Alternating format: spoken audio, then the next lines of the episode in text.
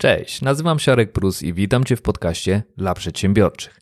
Ten odcinek to druga część wywiadu z Michałem Staniszewskim, doradcą zarządów, konsultantem biznesu, który pomaga w usprawnianiu firm oraz ich skalowaniu. W tym odcinku Michał opowie o pięciu etapach rozwoju biznesu, od etatu do dobrze prosperującej firmy. Natomiast w pierwszym odcinku poznasz jego mindset.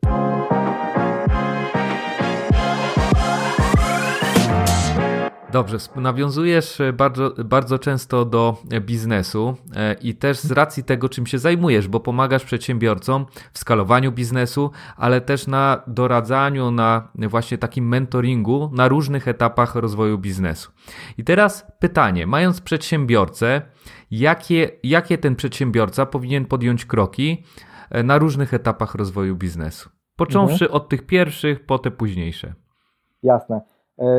Więc co, z metody, których korzystamy, e, są określone kroki, które tak jakby ta metodyka zakłada, ale my je też dostosowujemy. To znaczy, mm, ja mam takie poczucie, że wyobraźmy sobie sytuację, gdzie mamy powiedzmy 100 kroków do zrobienia w biznesie e, i okazuje się, że jak pracujemy z firmą, mm, ona ma zrobiony kroki, nie wiem, pierwszy, drugi, siódmy, dziesiąty, nie wiem, pięćdziesiąty i tak dalej.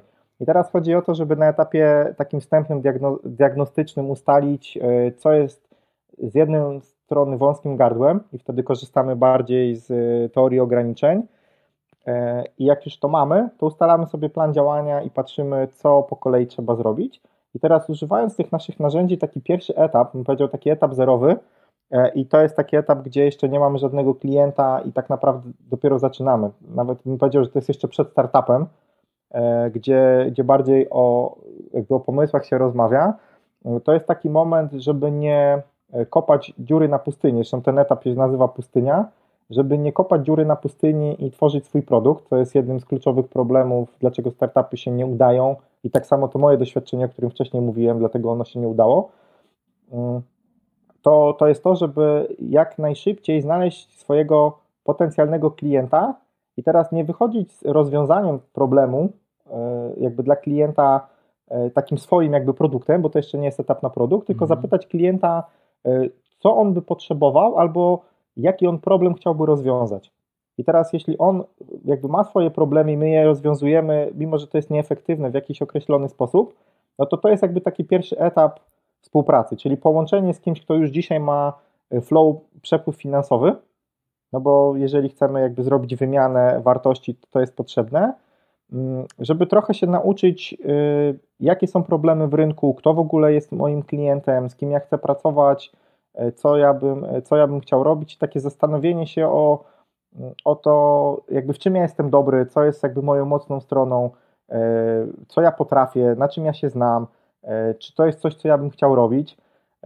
To jest taki etap, gdzie mm, trafiają do nas osoby, studenci bardzo często, bo jakby ja byłem wykładowcą na uczelni, E, moja dziewczyna nadal jest i bardzo często właśnie rozmawiamy ze studentami. Oni mają taki problem, że nie do końca znają siebie e, i nie do końca wiedzą, co chcieliby robić w swoim życiu. No i to jest taki moment, żeby e, mają ten czas, żeby eksperymentować, szukać tego, w czym są naprawdę nieźli, jak mogą dać największą swoją wartość i, i, i od tego zacząć. Jak już ten etap pustyni przejdziemy, czyli znajdziemy tą jedną osobę, której pomagamy, ale poczekaj, poczekaj no. Michał, no. czyli rozumiem, że na samym początku powinienem poznać lepiej siebie, w czym ja jestem dobry, tak? E, czyli gdzieś to, to zidentyfikować tą ekspertyzę, a dopiero tak. później, no bo jeżeli wiem, w czym jestem dobry, to trochę zawężam sobie ten obszar poszukiwania, mhm. kto będzie moim klientem, czyli stworzenia tak. tej persony, tak? Czyli to będzie dopiero ten drugi etap na tej pustyni dochodzimy do takich jakby czterech elementów, jakby miał to podsumować. Czyli pierwsze pasje, co ja uwielbiam robić. Aha. Druga, w czym mam talent, w czym jestem dobry,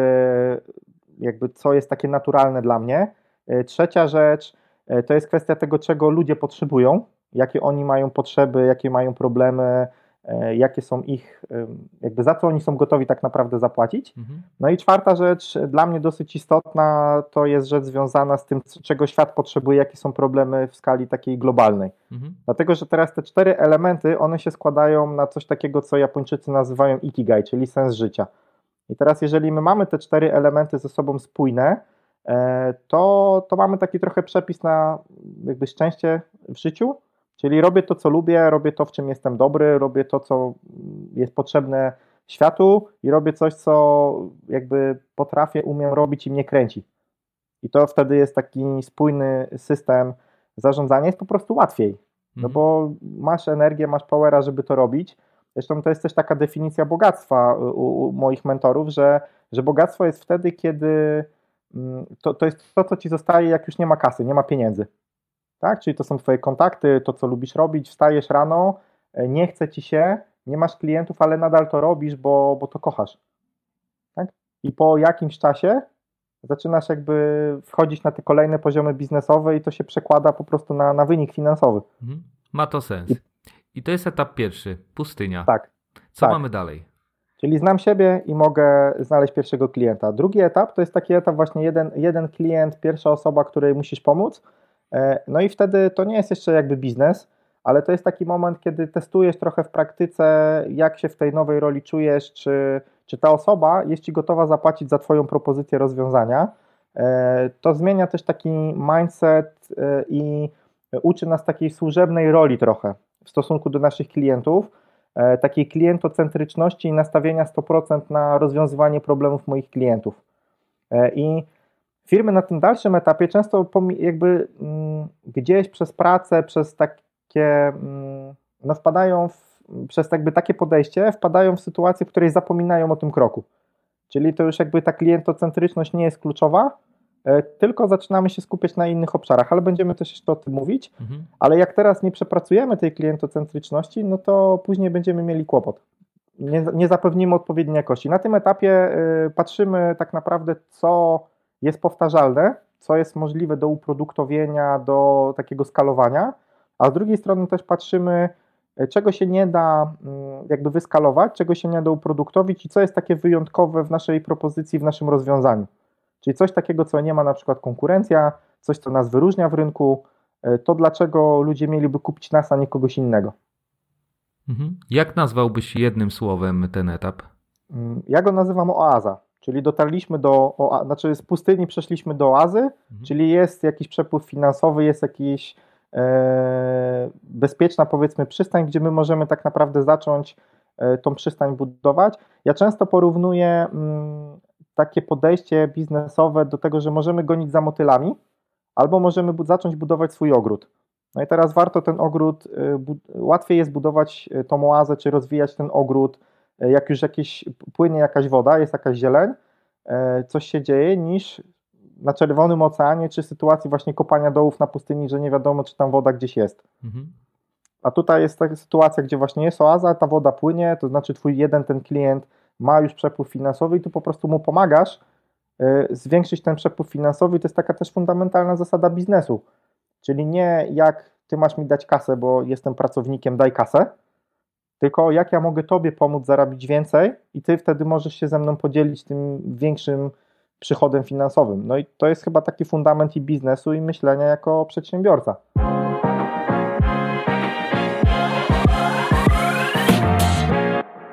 Czyli tak, mamy pustynię, później mamy oazę. Oazę. A co jest tak. dalej? E, jak jest oaza, czyli mamy tych pierwszych e, jednego do dziesięciu klientów, to później kolejny etap to jest źródełko. To znaczy patrzymy, gdzie ta kasa płynie, e, jak to źródełko można tak naprawdę zabezpieczyć, E, i często to jest właśnie jeden etat, e, który daje nam zasilanie finansowe, czyli flow finansowe, cash flow mamy z etatu i mhm.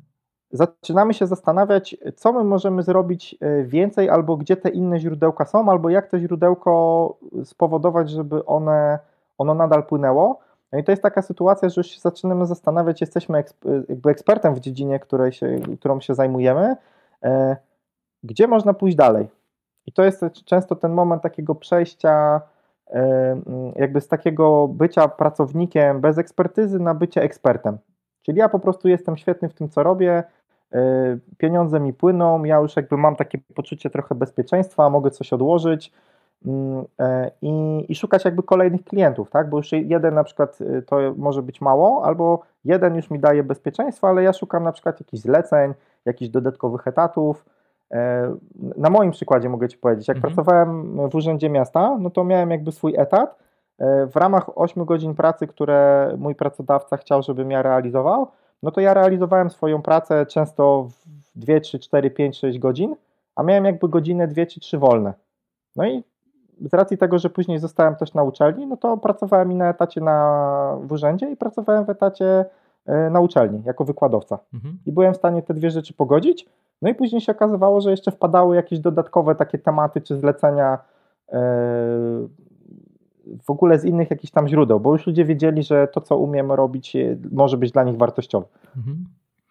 I w momencie, czyli tak, z jednej strony tym zabezpieczeniem może być etat, a z drugiej mhm. strony, jeżeli jestem przedsiębiorcą, bo przedsiębiorca może nie mieć koniecznie za, e, zabezpieczenia w postaci etatu, mhm. E, to jest osoba, która już zaczęła zarabiać na swojej ekspertyzie i jest w stanie mhm. się utrzymać. E, tak, tak, jest, jest w stanie to zrobić, e, albo bym powiedział e, inaczej, to jest taki, taki stan, że e, umiesz pływać, Mhm. I czasami jakaś większa fala może cię zatopić, tak jak dzisiaj mamy sytuację z kryzysem, że wiele biznesów ma problem, bo jakby sytuacja nie do końca dobrze działa, ale jeszcze nie zbudowałeś sobie łódki, która ci pozwoli właśnie tego typu kryzysy przetrwać. Tak? Czyli to jest taki moment, że czasami jakby generalnie pływasz nad wodą, ale czasami jakieś różne problemy, czy osobiste, czy biznesowe, mogą cię pod tą wodę znowu, znowu zatopić. Fajne tak? porównanie. A jak nazwałbyś ten etap? E, to jest etap, ja go nazywam źródełko, tak? czyli źródło, e, czyli jest jakieś źródło, gdzie ten cash flow się pojawia e, i jest to jeszcze na razie kontrolowane często przez innych i jeszcze nie ma tej łódki, na której możesz popłynąć, tak? Ale już jesteś ekspertem, który zaczyna dopiero budować swoją jakby markę osobistą, rozpoznawalność w rynku. Mhm. Ale jeszcze nie ma takiej stuprocentowej kontroli nad tym, mm, jak to, jak to działa. Etapem numer 4 jest?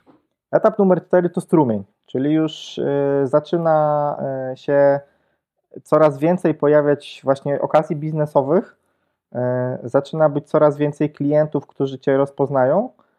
I to jest taki moment, gdzie tak naprawdę przechodzi z tego etapu właśnie najczęściej etatu na etap, aha, ok, jestem świetnym specjalistą, otworzę swoją firmę i zacznę jakby robić swój biznes. I to jest jeden z takich trudniejszych etapów, bo trzeba zmienić sposób myślenia o jakby swojej ekspertyzie i swoim biznesie. E, oczywiście są tutaj, mm, wiadomo, zagrożenia i szanse, ale jest tak, że mm, to jest taki początek dopiero prowadzenia biznesu swojego, takiego indywidualnie. I teraz często się okazuje na tym etapie, że jako ekspert mm, jestem super, pracowałem na etacie i nie musiałem robić wszystkich innych rzeczy, które firma robiła wokół mnie. Tak? Mhm. E, może być na przykład y, taka sytuacja, że jesteś ekspertem od, załóżmy, nie wiem, księgowości, zakładasz biuro rachunkowo-księgowe, ale nie znasz się na marketingu, nie znasz się na tworzeniu produktów, nie znasz się na, nie wiem, sprzedaży, e, nie znasz się na, nie wiem, zatrudnianiu ludzi i tak dalej, i tak dalej. Jest mnóstwo rzeczy, których musisz się nauczyć jako przedsiębiorca. E, no i, i to jest jakby to wyzwanie dla ciebie. E, dobrze to oddaje mit przedsiębiorczości, jako książka, która pokazuje, że to przejście e, z, właśnie od pasji do tworzenia biznesu, do budowania tego biznesu, e, budowania tych innych funkcji zarządzania. I, ona, I to jest jakby etap trudny. Pojawiają się klienci, jest ich sporo, ale no nie masz czasu dla nich, żeby ich wszystkich obsłużyć. Tak? I, to co na tym to, etapie mogę zrobić? Co możesz zrobić? E, po pierwsze, warto zadbać o coś takiego, co się nazywa attraction, czyli przyciąganie odpowiednich klientów. Taki schemat, który też może pomóc, czyli po pierwsze akcja, czyli działamy, action, mhm. drugi traction, trakcja, czyli e, kontakt z rynkiem. Na trzecim etapie pojawia się attraction, czyli e, ludzie zaczynają do ciebie przychodzić, bo wiedzą, że ty możesz im pomóc i to trzeba jakby zbudować. Czyli od etapu budowania marki osobistej, kim jesteś jako ekspert i w czym możesz pomóc, przez budowanie marki biznes, firmowej, czyli mhm. czym jest Twoja firma i w czym firma pomaga, i później budowanie marki produktowej, czyli jak ten produkt, który chcesz jakby sprzedawać, może pomóc. E, coś, co jeszcze może być taką też dobrą metaforą, i to już moja taka piłkarska, e, że to jest taki moment, gdzie wychodzisz z bycia widzem na etap, że jesteś graczem. Czy jesteś osobą, która musi powiedzieć: Słuchajcie, ja jestem dobrym napastnikiem, obrońcą, pomocnikiem, bramkarzem i w jakichś obszarach biznesowych mogę Wam pomóc.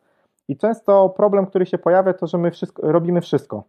tak? Czyli łapiemy się każdego zlecenia, no bo potrzebujemy mieć stałe źródło, jakby stałe źródło zasilania, a ono nie jest takie e, jakby powtarzalne jeszcze e, i, i musimy się spozycjonować w rynku. No bo jeżeli my się spozycjonujemy w rynku i powiemy, kim jesteśmy, co robimy, no to ludzie, którzy mają te problemy, które my jesteśmy w stanie rozwiązać, no to przyjdą. Mhm. Tak? Jeśli tego nie zrobimy, no to ludzie będą się zastanawiać, czym jest, kim jesteśmy, co my robimy, jak my możemy pomóc. No i to, to jest jakby tak praca nad y, właśnie rozpoznawalnością swojej marki osobistej, marki firmowej, tożsamości biznesowej, którą mamy. Y, z drugiej strony znajomość rynku, no bo jako gracz musisz wiedzieć, jakie są zasady, jakie są reguły gry, no bo jest różnica, czy grasz w piłkę nożną, czy w koszykówkę. No i z trzeciej strony nauczenie się podstawowych procesów biznesowych, które musisz ogarnąć, mhm. musisz je zrozumieć. No i takim pierwszym, z którym my też często zaczynamy z klientami, E, to jest taki proces relacji z klientem i o nim rozmawialiśmy mm, podczas ostatniej rozmowy, jak nagrywaliśmy inny podcast. Tak, i ta rozmowa tak? będzie prezentem do tego odcinka, do brania. No super. To, to tam, tam więcej właśnie rozmawialiśmy o tym procesie mhm. i co się okazuje, to jest w ogóle też ciekawe, że bardzo dużo biznesów, które mm, działają i które są na, da, na dalszym nawet etapie rozwoju, one tego procesu nie mają. Znaczy on jest robiony intuicyjnie, ale nie jest opisany, nie jest powtarzalny i przez to są jakby problemy z, właśnie z marketingiem, sprzedażą, z pozyskiwaniem klientów. I jak się ten proces dobrze ułoży, no to uwalniamy czas, no bo mhm. przyciągamy tych klientów, którzy e, są dobrze płacący czy marżowi, to są nasi idealni klienci. E, wiemy, kogo nie chcemy obsługiwać, kto nie jest naszym idealnym klientem. Mhm. E, dzisiaj też jakby rozmawiałem z jednym inwestorem, z jednym właścicielem biznesu i on mówi, że właśnie to jest często problem, szefów firm, że oni nie mają czasu. E, no i teraz jak, jaka jest jakby odpowiedź na to? Jak nie masz czasu, to jest pytanie, na co dzisiaj ten czas wydajesz, czy rzeczy, które realizujesz, one są wystarczająco wartościowe, musisz z czegoś albo zrezygnować, czyli po prostu nie brać wszystkich e, jakby biznesów, Zresztą ty też dzisiaj o tym mówiłeś, jakby jak na, na samym początku, jak rozmawialiśmy, tak? Mhm. Że musisz rezygnować z wielu ofert, e, okazji biznesowych, no bo skupiasz się na tych, które są dla ciebie najbardziej wartościowe, i które dają Tobie największy rozwój czy zwrot finansowy. E, kolejna rzecz, no to możemy budować zespoły, bo to jest tak naprawdę odpowiedź na pytanie, jak uwolnić swój czas, czyli zbudować zespół wokół e, jakiś, e, jakby jakiegoś problemu rynku, na którym działasz, mhm. albo automatyzacja procesów biznesowych i wejście w technologię. Tak? Czyli to są takie powiedzmy dwa najprostsze sposoby, czyli albo przez ludzi, albo przez technologię, E, I dwa jeszcze kolejne, no to są mm, jakby zwiększenie wartości tego swojego czasu e, albo uproduktowienie oferty. Mhm. Jakby tutaj takie cztery powiedzmy strategie można by przyjąć. Myślę, że taką rzeczą, która może ludziom też pomóc jako narzędzie, e, to jest Scaling Up Werna Harisha, gdzie on tam właśnie pokazuje, że przez pryzmat tych czterech rzeczy można to, to skalować. Mm, to, to, to myślę, że to może jakby pomóc i pokazać właśnie przedsiębiorcom, na czym się skupić. Czyli po pierwsze, diagnoza, na co dzisiaj wydaje swój czas, na co dzisiaj wydaje pieniądze i zastanowienie się, czy to faktycznie jest efektywne. Mhm. Najgorsza sytuacja, jak nie masz i czasu, i pieniędzy.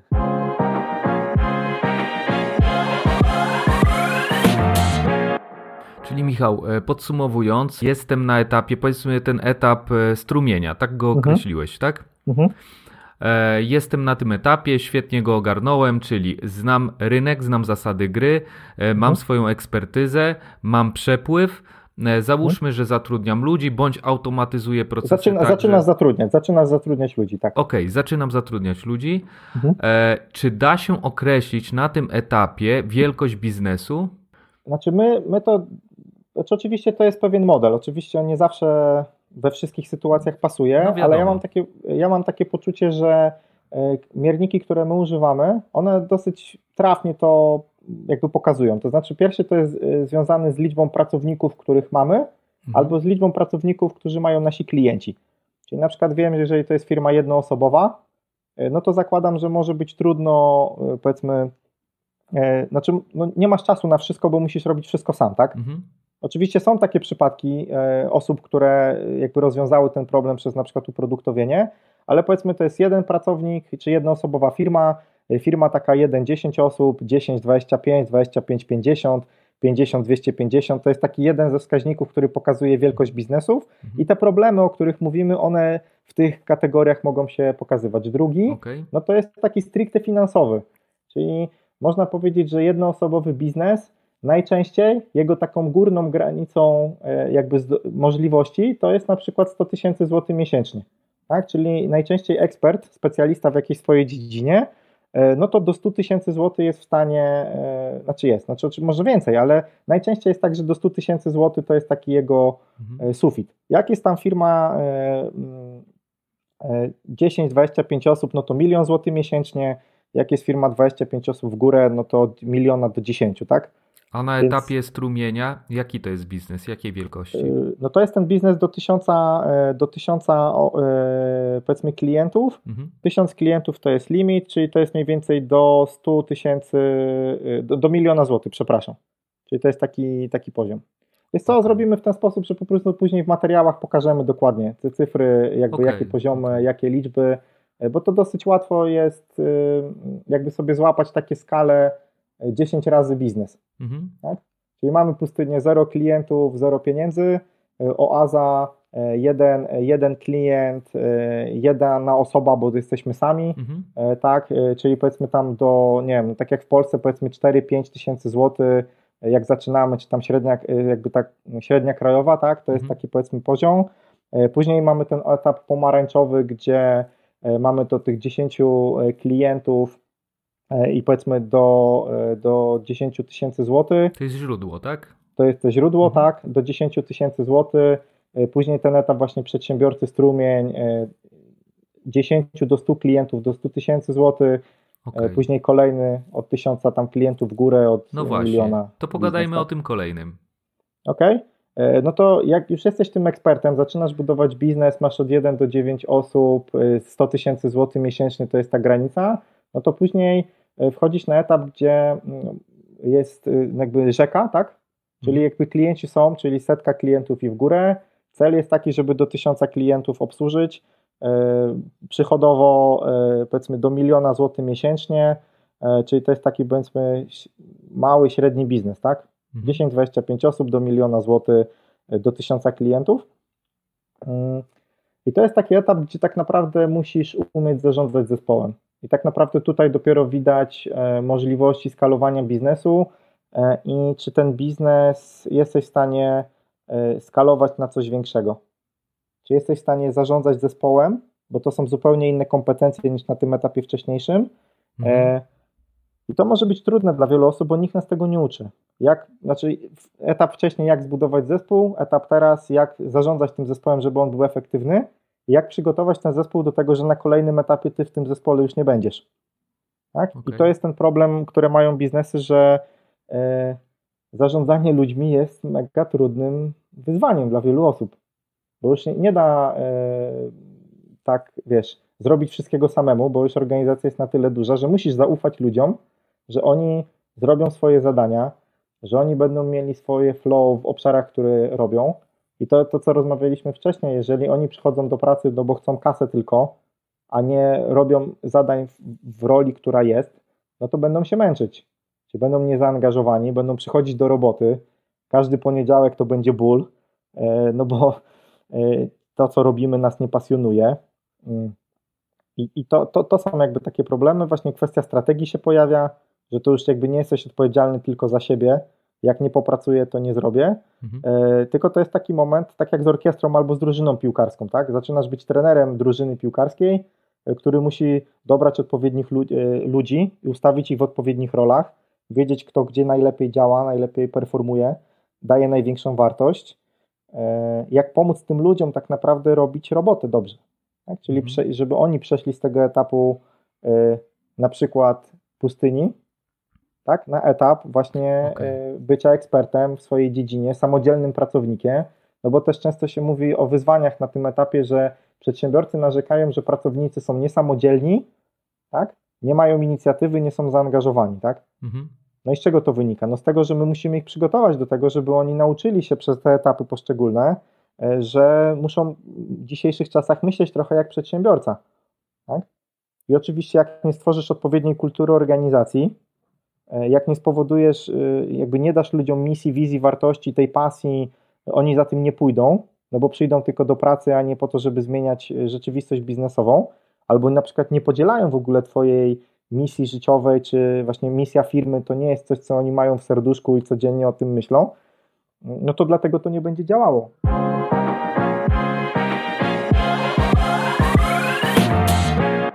Jasne, czyli na tym etapie rozumiem, że takie umiejętności, kompetencje e, myślenia strategicznego, plus mhm. jeszcze przede wszystkim przywódcze, tak? Dokładnie czyli taki tak. leadership. Znaczy, no, tak, leadership. Mhm. E, no jeżeli wejdziemy w taki model agile'owego zarządzania biznesem, mhm. E, no to to jest takie przejście trochę z, mm, na taką służebną rolę ciebie jako szefa. Znaczy bardzo często problem polega na tym, że mamy taką piramidę, hierarchię rozwoju biznesu, czyli mamy górę, mamy szefa, tutaj prezesa firmy, mamy później menadżerów, którzy zarządzają zespołem na dole. I ta piramida powoduje, że najważniejszy kto jest w firmie? No jest najważniejszy prezes, tak? No bo on jest na górze tej piramidy, to jest jakby wartość. I teraz w dzisiejszych czasach zmienia się biznes na taki, w którym ta piramida jest odwrócona. To znaczy na taki, gdzie na samej górze są pracownicy, którzy są najbliżej klienta. Klient jest jakby fundamentalny na górze, jakby żeby dostarczać mu potrzeby, y, jakby zaspokajać jego potrzeby, dostarczać mu usługi, żeby jakby klientocentrycznie podchodzić do firmy, y, do, do jakby pracy z klientami.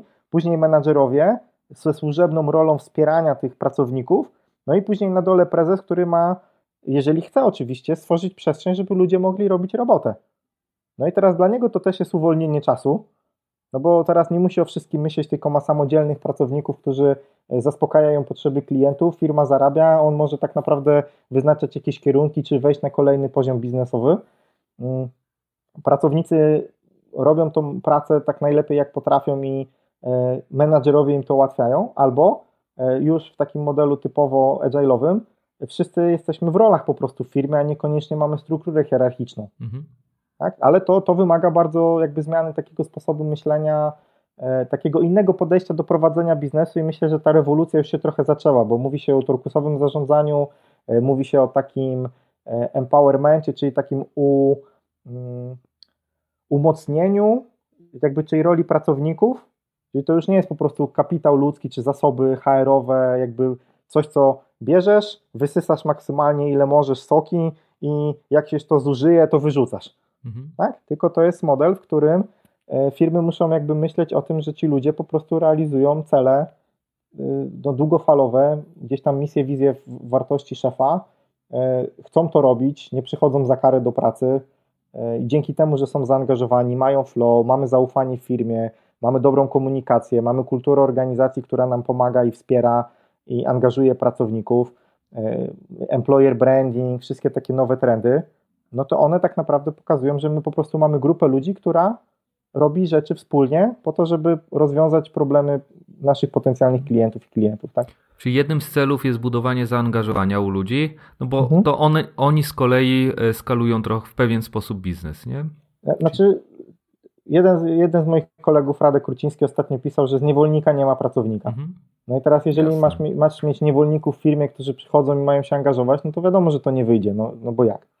Więc ty musisz im stworzyć takie środowisko, taką przestrzeń, żeby oni z radością przychodzili do pracy, e, żeby znaczy przychodzili do pracy, to też jakby w dobie jakby zdalnej pracy jest e, takie trochę śmieszne, ale chodzi o to, żeby po prostu realizować zadania i pracę, e, robić to, co kochasz, dostarczać wartość dla swoich kolegów z pracy, dla klientów, trochę naprawiać tą rzeczywistość, którą mamy, taką biznesową, bo ja mocno w to wierzę, że przedsiębiorcy to są osoby, czy liderzy w ogóle, to są osoby, które jakby zmieniają świat. I teraz te problemy, które są na poziomie takim globalnym, światowym, no to są dla nas szanse biznesowe.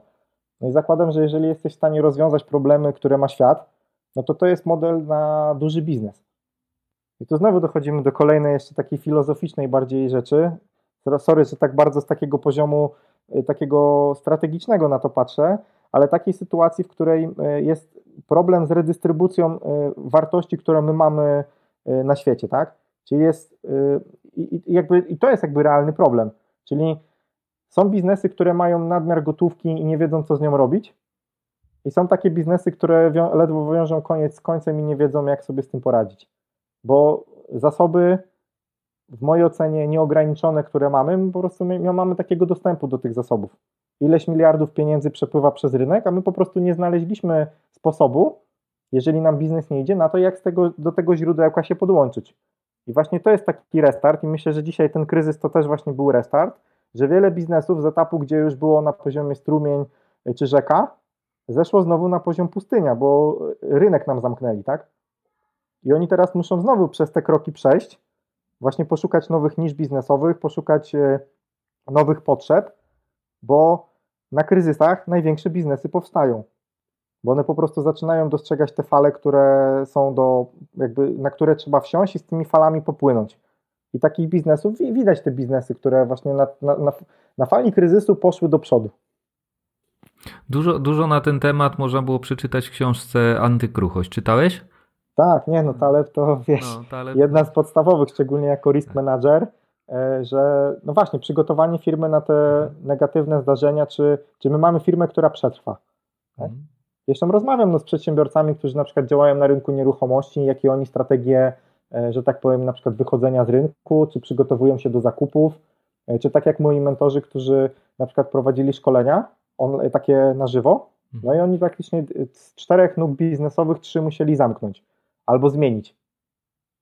No bo nie mogli robić restauracji, nie mogli robić jakby spotkań, no bo zamknęli im biznes, e, nie mogli robić szkoleń na żywo, no bo zamknęli im biznes, tak? I nie mogli robić programów rozwojowych jakby na, na żywo, no bo zamknęli im ten biznes.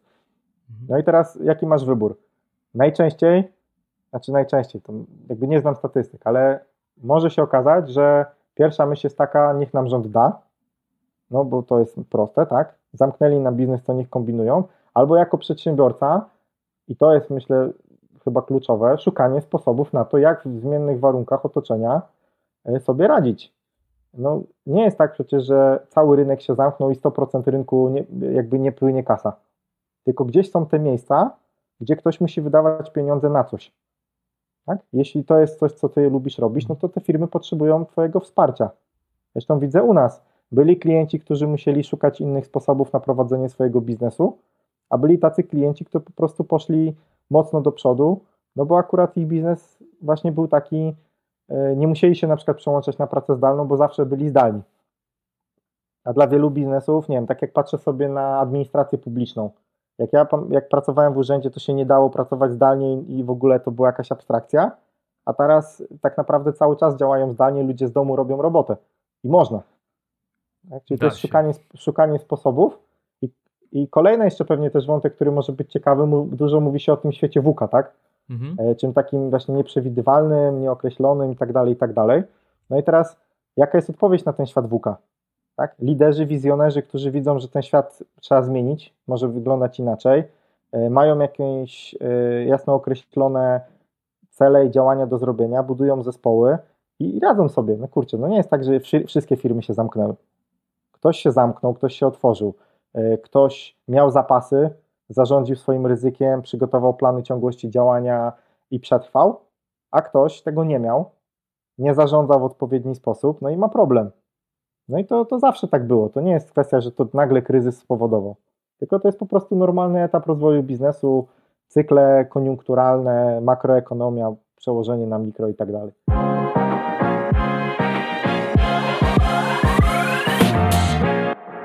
Michał, to tak na zakończenie. Z jaką myślą chcesz zostawić słuchaczy?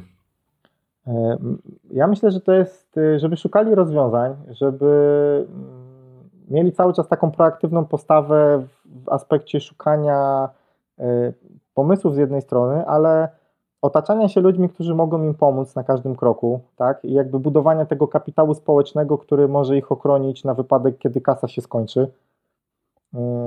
I budowania takiej wartości nie przez pryzmat, że robimy to pryzmat, przez pryzmat kasy, tylko przez pryzmat tego, co ja mogę dać najlepiej od siebie innym. No bo to, do tego się chyba sprowadza przedsiębiorczy, że ja pomagam, e, wspieram, e, daję wartość klientom, którzy mogą dać mi coś w zamian.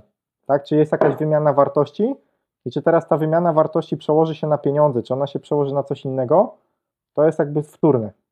Podsumowując, bo wiesz, ja zawsze dużo gadam, ale żeby takie było mocne i na zakończenie, e, to chyba kwestia tego, żeby po prostu szukać rozwiązań i szukać ludzi, którzy mogą nam pomóc rozwijać biznesy, rozwijać siebie, e, tworzyć wartość, nie wiem, zmieniać trochę tą rzeczywistość, w której jesteśmy.